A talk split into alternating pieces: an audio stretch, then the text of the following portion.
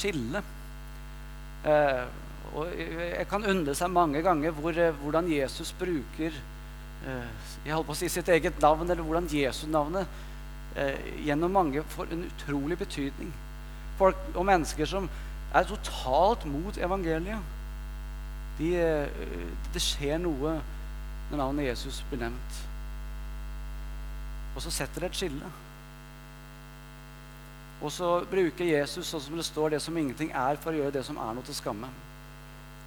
Og så var det sånn På et uh, av de sykehusene som var i Norge, så var det ei jente på, på, syv år som skulle gjennom en operasjon, en alvorlig operasjon. Hun hadde fått, uh, fått den beskjeden at uh, hun fikk 50% sjanse for å overleve. Hun hadde til og med fått høre det sjøl, denne syvåringen. Og det var, det var spennende. Og mor og far var selvfølgelig redde om hva som kommer til å skje. Og så var det sånn at eh, det nærma seg operasjon, og dagen kom. Og når, uh, når det blei den dagen, så blei jenta båret opp på et operasjonsbord. Og der kunne ikke mor og far være, eller, eller noen andre. Der, uh, der, var bare, der, var det bare, operasjonslegen og de andre. Ingen som hun kjente, var der. Sykepleier, operasjonslege osv. Og, så og jenta hun var redd. Og Så kommer legen inn og så gjør han litt sånn som han pleier å gjøre, men kanskje litt ekstra når det er ei lita jente. Han går bort til henne og så sier han og forklarer litt om hva som skal skje. Og så sier han eh, til slutt bl.a. det at eh, nå skal du få noe som heter narkose. Og Det betyr at du sovner inn for ei lita stund. Narkose sånn at du sovner for ei lita stund. Og Det er da denne jenta ser med store øyne opp tilbake på legen, og så sier hun det at hvis jeg skal hvis jeg skal sove, så tror jeg det at jeg må be kveldsbønna mi først, hun. Og så, så, setter hun seg opp der, og så, og så vipper hun på utsida. Og ved det operasjonsbordet så kneler syvåringen for sin frelser.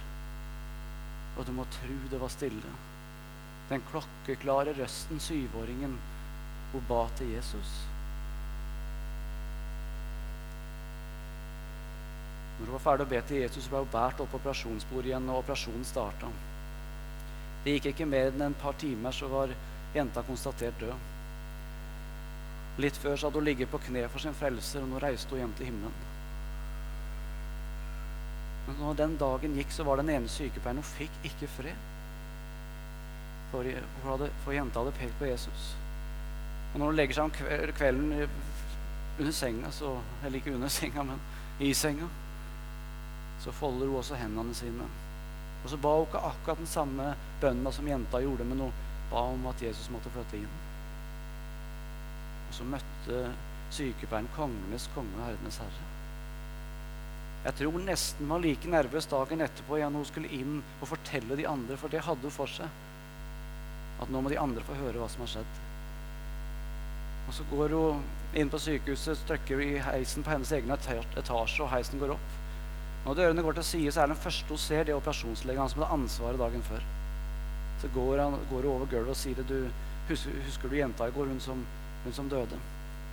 Ja, det er klart jeg gjør det. Det er jo ikke noe man glemmer med det første. Så sier hun det rett ut. Jeg ga livet mitt til Jesus i går.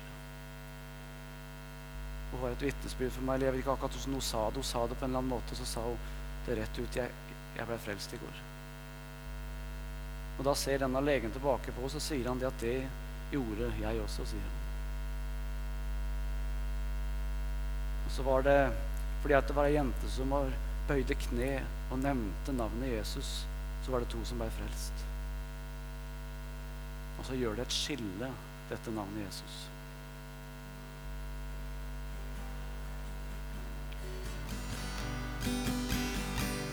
Hvem er Jesus, hvem er han som en gang døde? Som ble misforstått og hånet her på jord. Er han denne som sonet verdens synd og brøde? Kan han frelse alle dem som på ham tror? Han er Gud Sønnen som all makt er givet. Kronet med Guds store, rike herlighet. Han er veien, Han er sannheten og livet. Han for syndere er full av kjærlighet. Hvem er han som kjempet kampen ut i havet? Som tålmodig bar sitt kors til Golgata. Hvem er han som lagdes i den kalde graven? Men på denne tredje dag gikk levende derfra. Han er Gudesønnen som all makt er givet. Kronet med Guds store, rike herlighet. Han er veien han er sannheten og livet. Han for syndere er full av kjærlighet. Takk at han er den han sier seg å være. Takk at han har seiret over død og grav. Han tilkommer makten prisen og all ære. For det offer han for verdens synder gav. Han er Gudesønnen som all makt er givet. Kronet Guds store, rike herlighet. Han er veien han er sannheten og livet. Han for syndere er full av kjærlighet.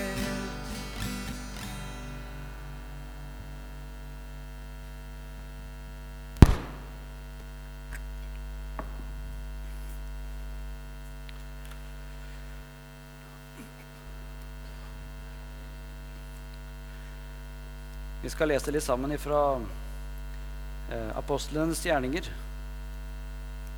Eh, og så er det Paulus og Silas eh, som forkynner evangeliet i Filippi i kapittel 16 eh, i apostlenes gjerninger. Eh, de reiser rundt og så forteller de om Jesus. Og som vi skal lese videre om her, så skaper det enorm motstand når eh, navnet Jesus blir nevnt, og de forkynner evangeliet. Og så er Det sånn her at det står om det i starten i kapittel 16 at det er en slavepike med en spådomsånd som kommer etter Paulus og Silas og stadig plager dem. Og En dag som eh, Paulus og Silas er på vei ut til eh, bønnestedet, så, så, så er denne slavepika med noen spådomsånder bak. Og I et øyeblikk der så snur Paulus seg rundt, og så driver han ut denne onde spådomsånda av denne slavepika. Og så skjer det at det var noen, eh, noen herrer, noen menn som det står om her, som tjente mye penger på denne spådomsånda. Vi kan jo sammenligne sammen med i dag, men vi kan ringe til spådom med alt mulig. På, om det er på nett, eller om det er, eh, eller om det er på telefoner og annonser som du ser overalt om dette. Og så blei de veldig sint, og så blei det stor motstand. Vi skal lese litt om det. At når de tar dem til fange, så får de med seg også mange andre. Der står det sånn fra vers 22.: Folkemengden reiste seg også imot dem. Styresmennene red da klærne av dem og lot dem hudstryke. Da de hadde gitt dem mange slag, kastet de dem i fengsel og befalte, befalte fangevokteren å passe godt på dem. Da han fikk en slik ordre, satte han dem i det innerste fangerom og satte deres føtter fast i stokken.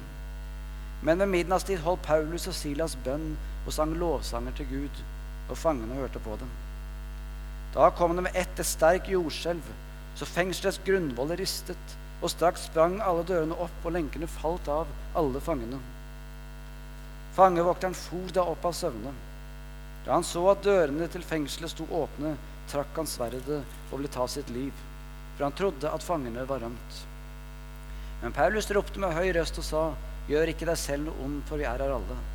Han ba da om lys, løp inn og falt skjelvende ned for Paulus og Silas. Så førte han dem ut og spurte, Herrer, hva skal jeg gjøre for å bli frelst? De sa da, Tro på Herren Jesus, så skal du bli frelst, du og ditt hus. Ja, jeg vet ikke hvordan du tenker når vi leser det vi, vi leste om nå, om den naturlige reaksjonen. Eh, jeg tror vi kan være ganske enige om det at det er en ganske naturlig reaksjon at hvis du mister inntekta di og mister jobben din, så, så ja, du kan bli sinna, og særlig hvis du syns det er en veldig eh, dårlig grunn. Hvis det er en hjørnesteinsbedrift i en, en bygd for eksempel, som blir lagt ned, så ser vi at det er protestaksjoner, og, og, og det er jo veldig forståelig. Kanskje må man flytte, og man mister inntekta si og usikker framtid og alt det som er. Og det er ganske forståelig at disse, disse gutta, eller mannfolka som tjente penger på denne spådomsånda, denne slavepika, at de kunne, at de kunne bli sinna. Det er ganske forståelig. Men kanskje så er noe av, noe av logikken forsvinner kanskje litt når, når, vi, når, vi, når, vi, leser det og så ser de at de får med seg en stor folkemengde også. Eh, og ikke bare det, men de blir, de blir torturert for det de har gjort. Og da, da i hvert fall for min del som jeg sier at noe noe av logikken begynner å forsvinne. I hvert fall når man tenker vanlig menneskelig tankegang.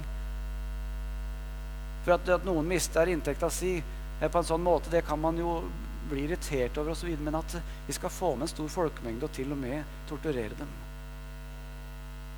Og som vi har snakka om helt fra starten i dag, så handler det om navnet Jesus. Det handler om der han blir forkynt, og der der Jesus, Jesu navnet blir nevnt, der, der, skjer det noe. Og du som er her nå i, i formiddag i Salem, og, og, om du er en kristen, eller om du ikke er en kristen, så vet du det, tror jeg. Jeg tror du har erfart det, at du samtidig har erfart det at når navnet Jesus blir nevnt, så, så blir det litt sånn Ja, det er et navn man må ta en stilling til. Det er ikke et hvilket som helst navn med Per og Pål og Kari. Det, du kan si mange navn, men når navnet Jesus blir nevnt, så skjer det noe. Når noen spør om noen er kristen, og så, videre, så, så skjer det noe.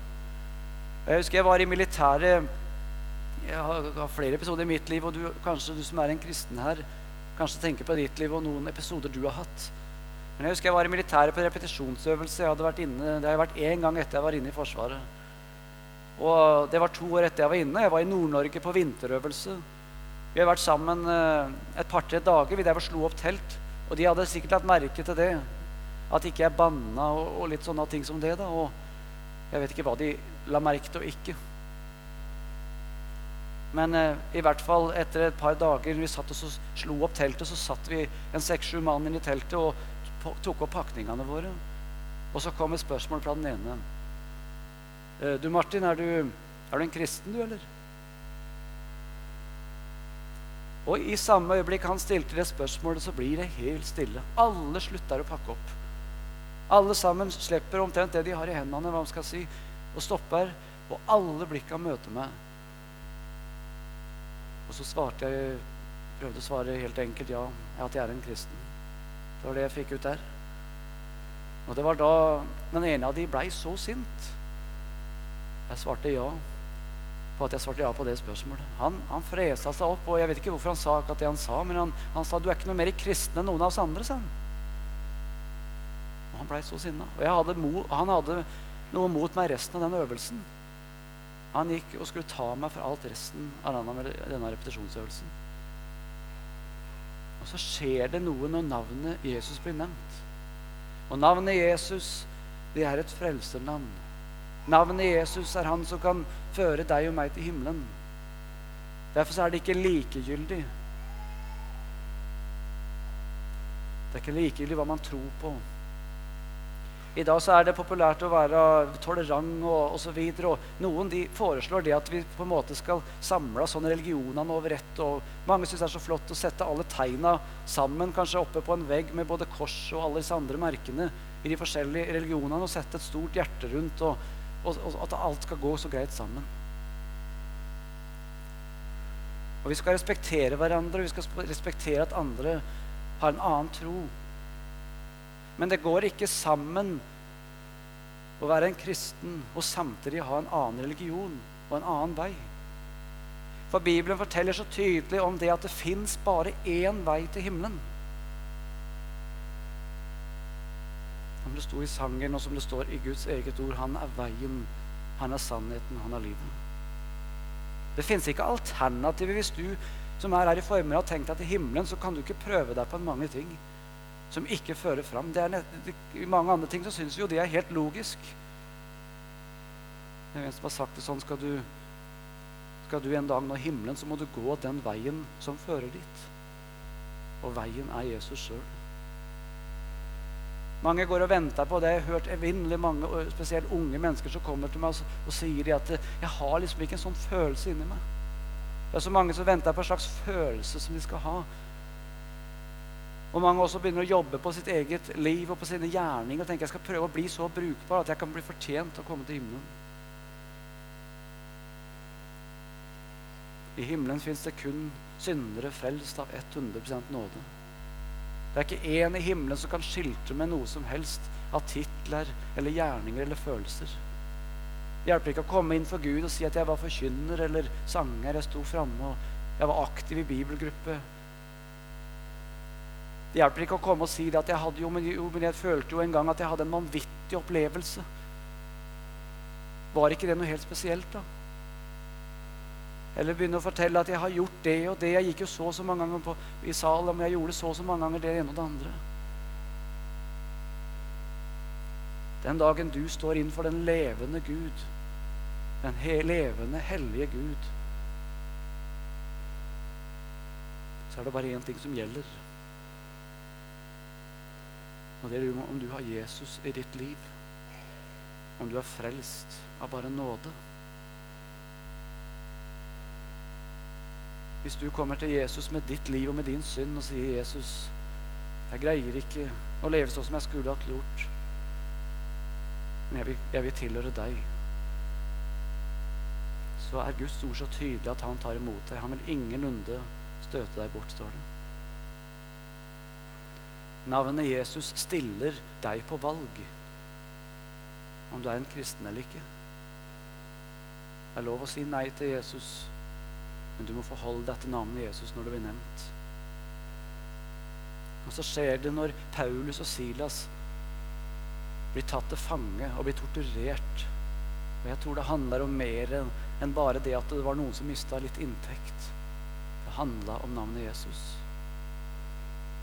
Så skjer det at de ligger, blir satt i de innerste fangehullene. Hender og føtter fast i stokken, står det. Man skulle jo tro det at det var noen forbrytere som hadde gjort noen litt verre ting i anførselstegn, enn dette her. At det var voldtektsmenn og drapsmenn osv. Men hvem var det som ble satt i det innerste fangehullene? Jo, det var dem som nevnte navnet Jesus, og som ønska å gjøre godt. Og når de sitter i det innerste fangehullet der og blir torturert da tror jeg, jeg tror fort vi kunne tenkt sånn Jeg vet ikke om du er enig med meg, men eh, jeg tror fort jeg kunne tenkt litt sånn da at nå, nå tror jeg får holde, holde, det litt lavt, dette her med forkynnelsen og dette her. Og når jeg sitter her inne i fengselet nå, så må jeg kanskje prøve å være litt fornuftig og ikke nevne navnet Jesus så mye, sånn at jeg kanskje kommer fortere ut. Er det det Paulus og Silas gjør? Det står det at de ved midnattstid har bare gått noen timer så står det Paulus og Silas de ber og synger lovsanger til Gud, så fangene hører på dem. I fare for sitt liv og for videre tortur. For Paulus og Silas hadde fått noe. Noe som ikke lærdommen kan forstå. Det går ikke bare an å legge sammen to pluss to, men Bibelen er så klar og tydelig på det at eh, han vil sjøl åpenbare det for deg. Og vil gi deg troen i gave ifra himmelen. Skal du en dag nå til himmelen, så må du gå gjennom Jesus. Han som døde for deg på Golgata. Han som gjorde opp alt. Han som sto opp igjen og sitter ved Gud Faders høyre hånd nå og ber for deg. Det er reelt, altså. Det er, bare, det er ikke bare, noen ord. Det gjelder ditt liv, og det gjelder mitt liv. Det er veldig lett å skyve spørsmålet ifra seg. Og du som sitter her, skal få gjøre akkurat sånn som du vil. Det er ingen som kan tvinge deg til noen ting. Jeg ville bare så ønske at du skulle få lov å ta imot dette før du skal stå for den levende, hellige Gud. Så du kan nå himmelen og ikke gå fortapt. For det er nettopp det det gjelder. Den gangen som du og jeg blir lagt i grav, så kan det ikke være sant alt sammen. Det er noen som tror det. Eller tenker det i hvert fall sånn. At de som er, har den ene troa, de, de, de, kan funke for dem. De som tror på reinkarnasjon, kommer tilbake som et nytt menneske eller som et dyr. og Noen tror at det er helt ferdig, og at man er lagt i grav, så er det absolutt slutt med absolutt alt som er. Det er ingenting mer. Men jeg tror du kan være enig med meg det at det kan ikke være sant alt sammen. Det kan ikke både være sant noe for den ene, at en som sitter her, skal tenke det, og så gjelder det for den, og så kommer noen tilbake igjen hit for at den tror det. For noe må være sant. Og så håper jeg det at når du står for den levende Gud en dag, at du har tatt imot Han som er veien og sannheten og livet. Det som gjelder. Når jeg er på Tryggheim og alle andre ungdommene som er der, så, så, er de ofte de yngre veldig opptatt av akkurat dette her, hva som faktisk er greia. Hva er det som fører meg til himmelen? Vi vil ikke ha alt dette her på en måte, hva skal jeg si, alt dette utenomsnakket. Jeg vil vite hva som fører meg til himmelen. Vi kan ha mange gode opplevelser, og det er mange ting som gjelder. Og det er ikke ubetydelig hva vi føler i livet. Men i dette spørsmålet, når det gjelder himmelen, så trenger du Jesus. Når Paulus og Silas ber der inne og ikke kan la være å vitne om det de har sett og hørt, fordi at trangen er så stor, så har de møtt en som ikke helt lærdommen kan forstå. Jeg har møtt en frelser som, som går litt forbi. Det er kanskje det som er helt logisk for de fleste. Og så måtte de bare fortelle om han og synge om han og be så at flere kunne finne veien hjem. Han, Jesus han, så til sine vitner der og da og griper inn. Det er ikke bestandig han gjør det sånn. Men eh, han gjorde det der og da så fengselets grunnvoll ristet, og dørene og lenker av alle fangene går av. Og så, sitt, så står de der. Og når de er i ferd med å gå ut der, så, så blir fangevokteren livredd. Og de sier det som er lest litt mer av teologer, at uh, at det var strenge straffer for å sove på vakt. Du kunne til og med få dødsstraff, sier de. Og han var livredd. Og så skjer det at fangevokteren har tatt sverdet og så vil han ta sitt eget liv. Så står det at han trodde at alle fangene var rømt. Og så skjer det at Paulus ja, kunne jo tenkt her også at Nå kunne jo Paulus tenkt så at nå kan du bare ha det så godt. Nå kan du se hvem som vant, osv. Men eh, han hadde fått noe Paulus og roper ut til han som muligens han som var med å torturere den akkurat. Så roper han ut 'Gjør deg ikke selv noe vondt, for vi er her alle'. Så fører det altså til at denne fangevokteren løper framfor dem og detter ned på kne og spør 'Herrer, gutter, hva skal jeg gjøre for å bli frelst?' Hva skal jeg gjøre for å nå himmelen? Han hadde fått sett noe av den levende Gud og den gode frelser. Og så kommer svaret som er sant, som var sant da, som var sant før det, og som er sant i dag, og som er sant inntil han kommer. Tro på Herren Jesus, så skal du bli frelst. I formiddag så har du hørt evangeliet. Jeg har sagt det tydelig. Du trenger Jesus. Jeg håper du vil ta et stilling til det navnet i formiddag, om ikke du har gjort det før nå. Kanskje kjenner du på det at nei, nei, nei, jeg vil ikke helt forholde meg til dette her. Men én ting er sikkert når du går utover dørastokken og er på vei hjem etterpå, eller hvor du enn skal, så, vei, så er det to veier. To alternativer som det er mulig å være på. Ingen gyllen middelvei der du kan så noenlunde prøve å gjøre så godt du kan. Det er én vei til himmelen og én vei til fortapelsen. Og så er spørsmålet Hvilken vei går du på?